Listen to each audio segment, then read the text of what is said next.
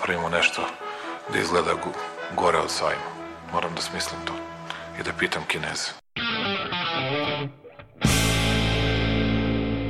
I've today left hospital after a week in which the NHS has saved my life. Ne mogu da verujem da narod koji je preživao sankcije, bombardovanje, svakojako maltretiranje će se uplašiti najsmješnijeg virusa u istoriji čovečanstva koji na Facebooku postoji. And now I'm better and maybe I'm immune, I don't know. Dobro večer. Mene su poslali iz štaba. Ja ću vam pomoći. Aleksandar Kocić Jelena Viser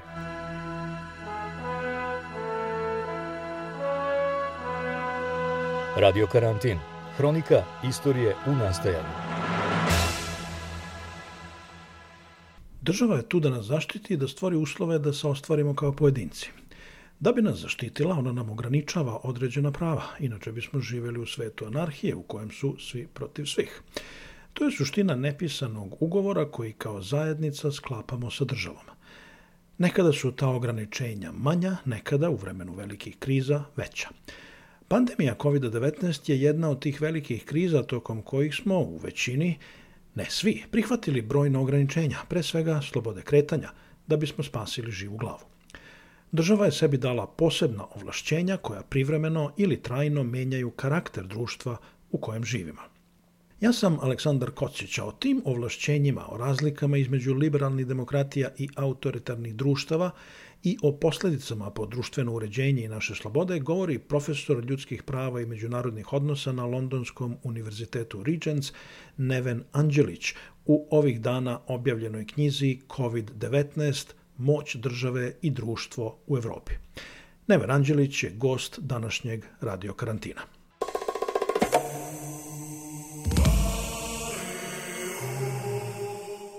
Mi ovaj razgovor e, snimamo u danu kada je izašao izveštaj o famoznim žurkama u Downing Streetu. E, da li će Boris Johnson biti prvi lider u Evropi koji će pasti zbog COVID-a? U, tačno, to nisam razmišljao da bi mogao da bude prvi.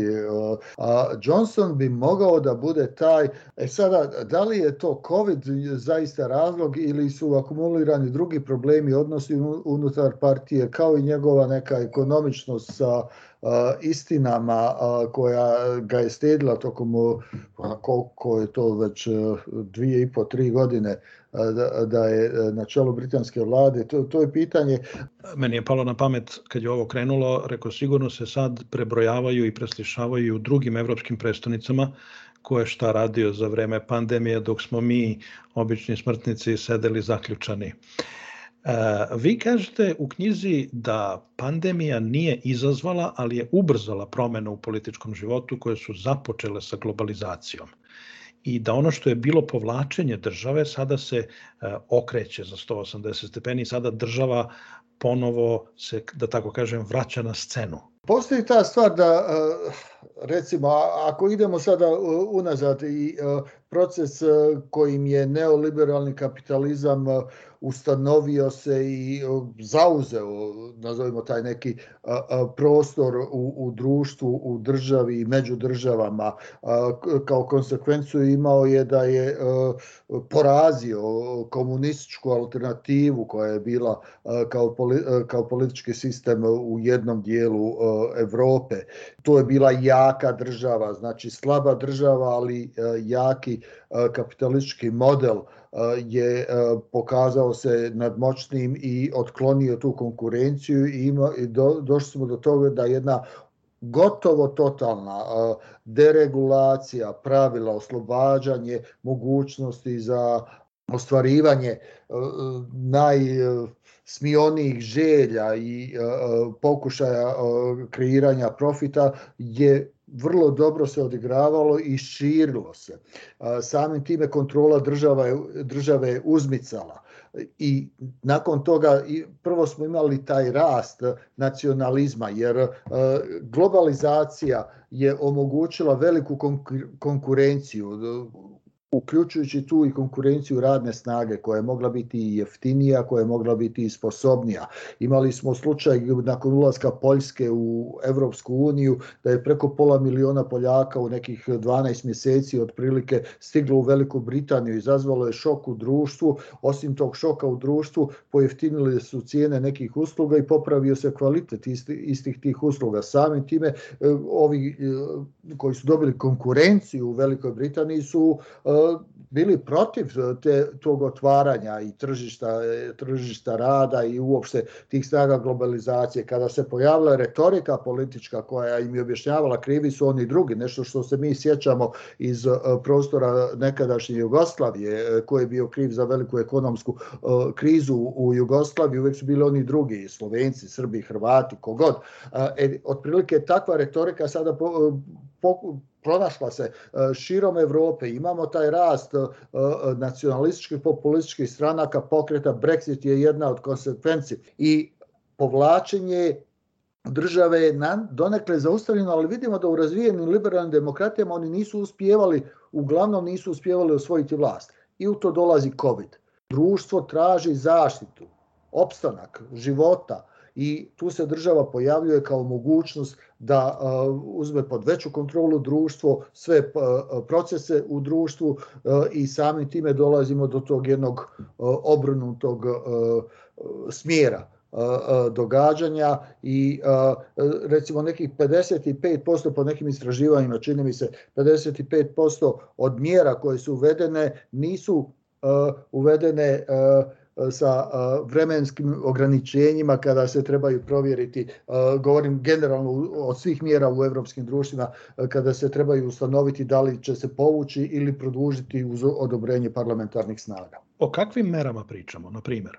Ograničenje kretanja, onda način donošenja odluka koje su više ne moraju proći punu parlamentarnu proceduru, suspenzija nekih od pravnih procesa na određeno vrijeme, proces, odnosno prava na javno izražavanje, prava na okupljanja. Imali smo proteste, sada su učestali u više zemalja, u početku su bili oni rijetki, ali sada su ljudi hrabriji. I ja koji sam bio veliki pobornik i, i vakcinisanja i, i, i tih državnih mjera kao jedini vid koji sam vidio da, da bi mogao da zaustavi ili kontroliše donekle pandemiju. Međutim, nedavno sam bio u Parizu i trebam se vratiti kući u London. Moram se testirati. Test je bio negativan, ali recimo da je test bio pozitivan. Šta to znači? Ja ne mogu kući ne mogu se vratiti u svoju zemlju. Mislim, moja, jedna od mojih zemalja je Velika Britanija. Koja država ima pravo da zabrani svom građaninu da se vrati u svoju zemlju? To je Sovjetski savez uradio Solženjicinu do koje mjere su se stvari okrenule. Tada sam to otprilike shvatio i sada vidim, mislim, ne slažem se ja s razlozima znatnog broja ljudi koji protestuju jer odbijaju e, Đokovićevski da se vakcinišu iz nekih svojih e, razloga, već e, se slaže sa ljudima koji su zabrinuti zbog ograničavanja sloboda, ograničavanja sloboda okupljanja, odnosno samog kretanja. Prvi slučajevi su se pojavili jedan rumunski političar koji je to, kako se to kaže, vakcinoskeptičan ili ne znam kako bih to nazvao, koji je stigao sa svojom parnicom protiv rumunske države do Evropskog suda za ljudska prava i on je izgubio. Međutim, u tim nekim interpretacijama već su krenule debate da li Evropski sud za ljudska prava donio ispravnu odluku, jer bit će još veliki broj slučajeva koji dospijevaju do tog nivoa i vidjet ćemo kako će se dalje pravno razvijati taj, ti procesi. E sad, više analitičara i ekonomista kaže da će ova pandemija takođe uticati na usporavanje globalizacije i globalizacijskih trendova, da će se države više okretati ponovo proizvodnji, sobstvenoj proizvodnji, pre svega nekih ono strateških proizvoda. Da, da li se vi slažete sa tim? Ja mislim da to lako mogući e, rezultat svih ovih procesa, iako drugi oblik gledanja je moguće da su globalizacijske e, snage toliko jake, toliko su se razvile tokom ovih posljednjih četvrt stoljeća, ja bih rekao, da nisam siguran da su države individualno u mogućnosti da to suzbiju. Ipak, pod pritiskom. Sada dolazimo ponovno do te krize liberalne demokratije, odnosno krize demokratskih procesa i principa. Svaka politička elita nastoji da opstane na vlasti. Da bi opstala na vlasti, oni moraju da vode politike, da donesu neke odluke koje će e, ih kod birača opravdati da na sljedećim izborima, dakle to otprilike nakon četiri godine, uglavnom da e, ponove podršku ukoliko su izbori zaista fair i, i slobodni. S tim u vezi onda e, se ta politika okreće prema tim domaćim biračima, vodi više računa. To je kad se suoče sa opasnošću da izgube vlast.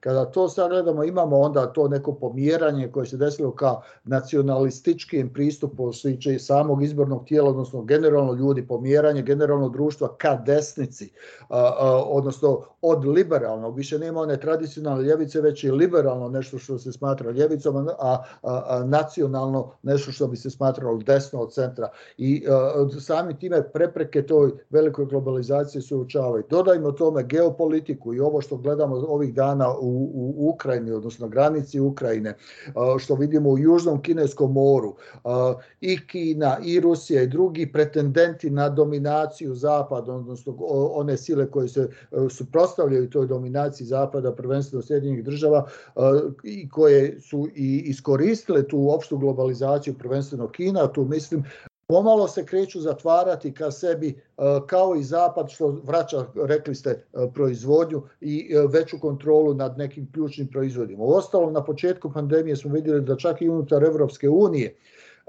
Njemačka je zabranila izvoz one medicinske opreme i u svoje i u članice druge zemlje članice Evropske unije granice su se zatvorile Schengen je bio suspendovan tako da kada sve to vidimo to onda, kao što ste i sugerisali, vrlo lako je moguće. Kriza liberalne demokratije nije počela sa pandemijom, počela je ranije i svedoci smo već nekoliko godina jačanju populista u mnogim zemljama u svetu.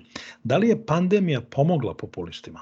Pomogla je, zavisi iz koje ugla se gleda. Recimo prvi izbori u pandemiji su bili u Srbiji i pomogla je predsjedniku Vučiću da cementira vlast za još jedan period, mada opet dosta autokrata je ovisno o frekventnim učestalim izborima, izgleda da je i on jedan od takvih, tako da će ih on ponovno ponavljati samo da uvjeri da li sebe ili javnost da je toliko popularan i obožavan u naciji. Imali smo slučajeve u ostalim sličnim režimima gdje E, su u, u principu potvrđeni e, isti ljudi na vlasti uz neke male e, korekcije kao što je iznenađujuće. Meni se desilo da je u Crnoj Gori došlo do izvjesne korekcije nakon 30 godina vladavine.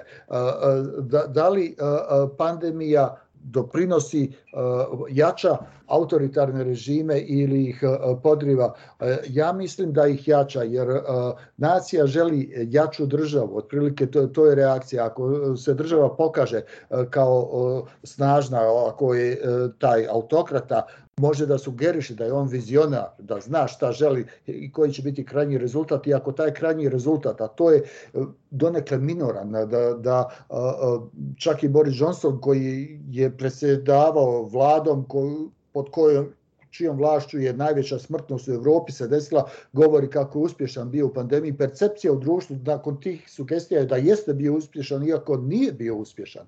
Preko stotinu hiljada ljudi je umrlo u Velikoj Britaniji. Dakle, to daje, daje jednu dodatnu mogućnost takvoj vrsti režima da se održi i učvrsti i razvije još dublje svoju vlast. Mislim da je to odnos pandemije i autoritarnih režima. Kad smo pričali u prvom talasu pandemije pre vakcinacije, govorili smo o tome da li se demokratije bolje nose sa pandemijom od nedemokratskih režima i uređenja. A sada me zanima, pa, pa je nekako ostalo to, to zapravo neodređeno, a sada me zanima da li može da se kaže da su zemlje gde su populisti na vlasti uopšteno govoreći lošije reagovali na pandemiju od drugih ako pogledamo uh, Britaniju, ako pogledamo Trumpovu Ameriku, Orbanovu Mađarsku, pa Brazil sa Bolsonarom, sve su to primjeri zemalja gde, gde je situacija daleko dobre. Otprilike u jednom momentu izgledalo da možemo tome dodati i Meksiko koji je vrlo loše e, prošao kroz pandemiju gdje je drugi vrst populista, ljevičarski populista na vlasti, ali e, generalno u jednom momentu izgledalo upravo da takvi režimi stradaju, odnosno narod pod takvim režimima strada puno gore nego u razvijenim demokratijama. Razni instituti su vodili na osnovu različitih pokazatelja nastojali da nađu odgovore na ta pitanja.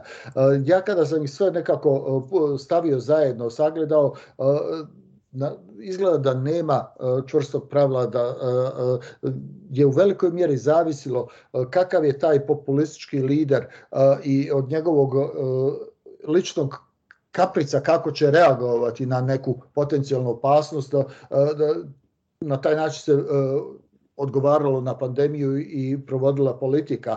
Imamo također da recimo dvije najliberalnije politike borbe sa pandemijom koje su bile na, u, u Evropi, govorimo o 45 evropskih zemalja, su Bjelorusija i Švedska na različitim krajevima. Jedno je potpuno otvoreno društvo, liberalno, drugo je posljednja evropska diktatura, kako drugi neki autori opisuju Lukašenkov režim u Bjelorusiji. Ali, znači, nema te neke čvrste matrice da bi se mogao definitivni zaključak donijeti, tako da mislim da ćemo ostati otprilike na sličnom onom talasu kakav smo imali na početku pandemije kada smo razgovarali. Radio karantin. Složili smo se da je pandemija kod ljudi probudila onu, onu, onu strah naravno i samim tim e, pojačala njihove zahteve da ih država zaštiti i na neki način pojačala onaj Hopsovski društveni ugovor da se odričemo nekih svojih prava da bi nas država zaštitila od nasilja i u ovom slučaju smrti od, od bolesti. I vi kažete da mnoge države nevoljno se odriču tih svojih e, dodatnih e, ovlašćenja. Istovremeno kažete u knjizi da postoji ipak razlika između e, liberalno-demokratskih režima u Evropi i onih autoritarnih i hibridnih i da se ta razlika odre, ogleda pre svega u stepenu kontrole i javne kritike državnih mera koji su jači u liberalnim sistemima, a slabiji u ovim drugim. Da li to znači da će i izlazak iz pandemije biti drugačiji za, za različite zemlje, na primjer u Evropi ili u svetu? Otprilike u ovim liberalnim demokratijama došlo i do poraza to, to, te neke opozicije državnim mjerama, javnom iskazivanju različitog mišljenja, demonstracija u Austriji, u Francuskoj, u Nizozemskoj. U različitim zemljama imamo te pokrete. U Londonu čuo sam da postoji, mada mediji o tome ne izvještavaju i nisu pretpostavljam da nisu dovoljno popularni ti protesti protiv različitih vladinih mjera. Na koji način će se izaći iz toga? Ja mislim da morat ćemo sačekati taj neki izborni ciklus. Njemačka nam je jedan primjer gdje jeste 16 godina stranka Angele Merkel bila na vlasti, međutim jeste se desio i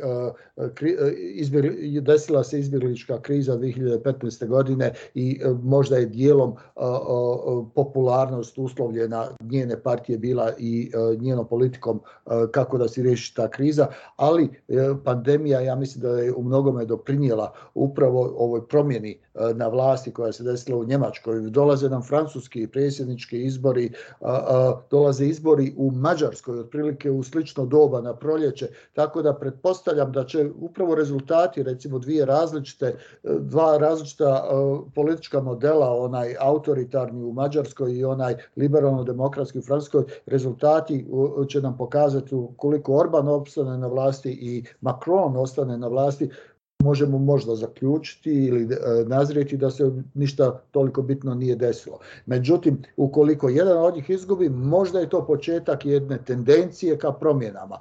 Morat ćemo sačekati nekoliko mjeseci za neki e, sadržajni odgovor, ja mislim ali vi mislite da će e, e, izborni ciklus sledeći u mnogim evropskim zemljama biti u velikoj meri određen reakcijom e, države na pandemiju? Ja mislim da će doprinijeti, da će doprinijeti u mnogome. Imamo slučaj sada u Italiji gdje, mada je protokolarni, protokolarna uloga predsjednika Italije, međutim opet nisu te brojne stranke u, u talijanskom parlamentu kao i regionalni predsjednici, nisu se mogli dogovoriti oko nekog alternativnog kandidata, izabrali su, odnosno obnovili su mandat 80-godišnjak na još 7 godina. Dakle, vidimo do koje faze je došlo da, da, da alternativa nije moguća alternativa koja bi potencijalno mogla dobiti podršku je bio premijer, e, oni ne mogu onda dolazi do krize vlade. Znači e, sve to što, e, što nam dole pokazuje nam da je od prilike zašto je premijer bitan na čelu vlade, dijelom je zaslužan i smatra se zaslužnim za rješavanje na početku najozbiljnije krize koja je bila uzrokovana pandemijom u Evropi, a to je bila u Italiji. Jer evo ako pogledamo slučaj opet Borisa Johnsona ovde u Britaniji, meni se nekako čini, ne želim da trivializujem ovo što se trenutno dešava, ali meni se nekako čini malo paradoksalnim da premijer koji je dozvolio da njegova zemlja bude rekorder po broju smrtnih slučajeva, koji je e, sve vreme e, se praktično ono podsmevao pandemiji i nije shvatao ozbiljno, nije toliko gubio u popularnosti među biračima koliko sada kad smo došli do situacije koja je u suštini, neću da kažem trivialna, ali je e, ovde je glavni problem jedni propisi važe za vas, a drugi za nas. I to je ono što je ljude razbesnelo. Mnogo više nego broj umrlih, mnogo više nego e, korupcija prilikom e, nabavke zaštitne opreme i tako dalje.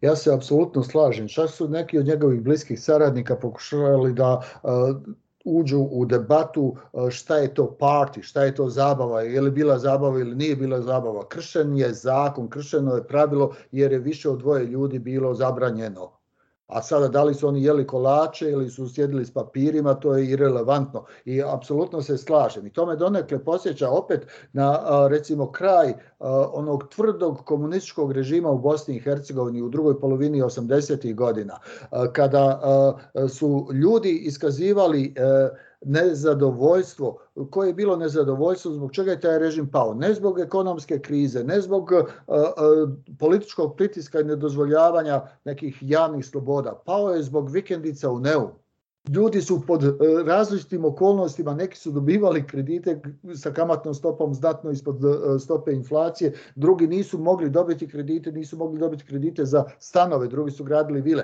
Znači, često se dešava da na nekim, e, kako ste rekli, trivialnim stvarima dolazimo do ozbiljnih društvenih poremećaja. Kad kažem poremećaj, to je znači početak gibanja koje mogu donijeti promjene. Ovdje promjena će vjerovatno biti promjena premijera na čelu čelu vlade. Vi kažete u knjizi da su korumpirane autoritarne elite e, zloupotrebile pandemiju, odnosno iskoristile pandemiju kao još jednu e, priliku za biznis pre svega oko nabavke deficitarne robe, e, zaštitne opreme i tako dalje. Vučić se hvali ono, nemojte ni da me pitate odakle mi respiratori i tako dalje, ali iste probleme ili slične viđamo i u Britaniji i u Nemačkoj je bilo skandala, u Italiji oko nabavke opreme, e, Francuska Da li su države i u tom smislu sebi dale odjednom prevelika ovlašćenja, nemoj niko da nas ništa pita, važno je da nabavimo maske i skafandere za zdravstvene radnike i da li je to možda jedan trend koji će se nastaviti ili će ipak doći do neke normalizacije u tom smislu jednom kada izađemo iz ovoga? Ja mislim da o, gnjev masa je moguće veći recimo u Bosni i Hercegovini gdje su izgleda nekih desetak miliona maraka proneverili ovi ljudi koji su bili zaduženi za nabavku respiratora, koji kada su napokon nabavljeni su se pokazali kao potpuno neupotrebljivi.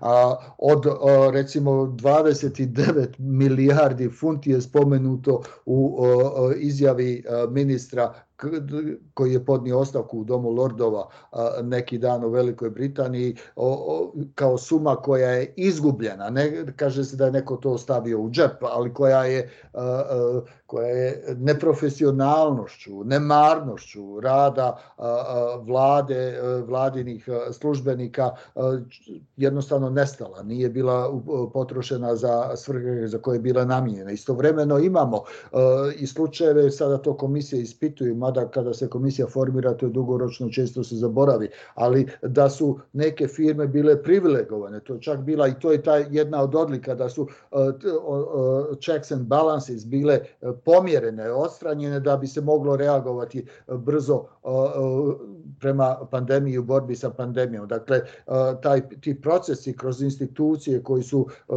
karakteristika i, i zaštita liberalne demokratije su uklonjeni i onda imamo e, da je do osobina ministara, odnosno vlade, e, da dolazimo do nekog polukriminala ili kriminala gdje oni lično nisu zagrabili da bi stavili sebi u džep, ali jesu ljudi koji su im bili bliski, koji su bili na njihovim mailing listama, pa su imali taj privilegovani kanal da e, izvrše ponude za nabavku upitne opreme, jer sve ovo novo bilo, ljudi nisu znali šta je dobro i šta je korisno u svemu tome. I sad opet od društva do društva, Britanija je ja mislim, najklasnije društvo u Evropi, samim time ljudi iz jedne klase su bili privilegovani u odnosu na ove druge. I sada dolazimo opet da potvrdimo one vaše riječi, dakle, e, umjesto da zbog toga bude gnjev nacije i da se traži smjena vlade i premijera, ide se zbog e, rođendanske torte ili tih nekih e, pića popijenih na travnjacima u Downing Street. Ono što mi je posebno upalo u oči dok sam čitao vašu knjigu je gde kaže da Zapadni Balkan loše stoji po svim indeksima merama, po svim merama koje se odnose na ljudska prava, korupciju, ekonomske slobode i tako dalje. To je delimično uslovljeno i povezano sa pandemijom, drugim delom nije. Nekako mi deluje kao da je Zapadni Balkan u, u, u današnjim okolnostima prepušten prepušten sam sebi, jer i Evropa i Amerika imaju važnija posla. Kakav će izaći iz ove pandemije Zapadni Balkan? I da li se može govoriti o Zapadnom Balkanu e, kao celini u ovom kontekstu? Možda je neka e, ne bih rekao fragmentacija Zapadnog Balkana krenula. Gledao sam recimo tabele koje su proizašle na osnovu ovih istraživanja i ovih indeksa i imamo dakle da su lošije pozicionirane države kao što su Bosna i Hercegovina, Srbija i Crna Gora, one su u toj nekoj kategoriji koja je pretposljednja, odmah neznatno, direktno iznad njih su, ali su ipak iznad njih Albanija, Sjeverna Makedonija i Kosovo. A, sad šta imaju prve tri, šta imaju druge tri zajedničko, sad možemo nacionalistički, možda bi mi neki albanski nacionalisti platili za ovo izjavu, da države sa značajnim albanskim stanovništvom bolje stoje od država sa značajnim srpskim stanovništvom, ali mislim to nije tačno, mislim sličnosti su prevelike među njima, mada imamo pomjerenja da u Sjevernoj Makedoniji dolazi, dolazi do promjene e, premijera i nema nikakvih potresa u društvu a, a znači bila je kriza vlade, došlo je do promjene. U Crnoj Gori imamo promjenu premijera, odnosno promjenu vlade i potresi su u društvu i država je prilično nestabilna i ne zna se na, na šta će sve to izaći. Imamo gotovo stanje permanentne krize u Bosni i Hercegovini i imamo vrlo sigurnu vlast, kako sada izgleda, jedne partije jednog čovjeka u Srbiji, isto kao i u Albaniji. Dakle, to, to su neki izgledi i imamo tu neku uh, dirigovanu suverenost i, i, i vlast u Kosovu, gdje također je dolazilo do tih uh, promjena u vlasti i tu, to je neko odličje uh, ovih uh, zemalja na Balkanu. Da li je zaboravljen? Ja mislim, Srđa Pavlović je prvi bio koji upotrebio to, taj izraz stabilo, stabilokratija, Florian Biber, puno raznih autora je slijedilo sa tim opisom i karakteristikom Zapadnog Balkana i tu imamo znači djelimičnu odgovornost Zapada, znači dominantne sile grupe zemalja koja toleriše te autokrate, te um, donekle možemo i nazvati ih kleptokratama, uh, ljudima koji su uh, na vlasti u tim zemljama, dok god ne dolazi do sigurnosnih problema, oni tolerišu njihovu čvrstu vlast. Kao što su tolerisali recimo Mubaraka u Egiptu, sjetimo se arapskog proljeća što je bilo nazvano 2011. godine. Znači, opet kada je jedan incident u jednoj zemlji izazvao seriju demonstracija promjena u cijelom nizu zemalja. Mislim da nešto slični procesi moguće će se desiti u nekoj, nadam se, skoroj budućnosti i na Zapadnom Balkanu.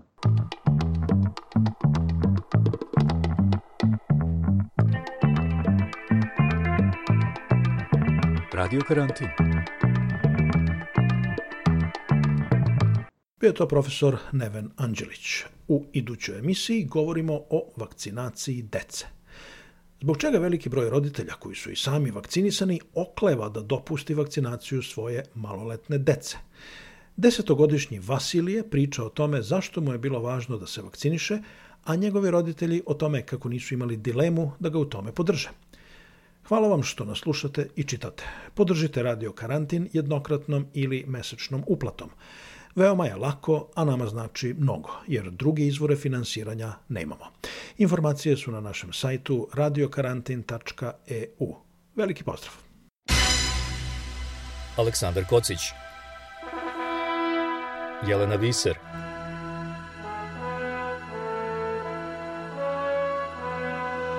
Radio Karantin Hronika istorije u nastajanju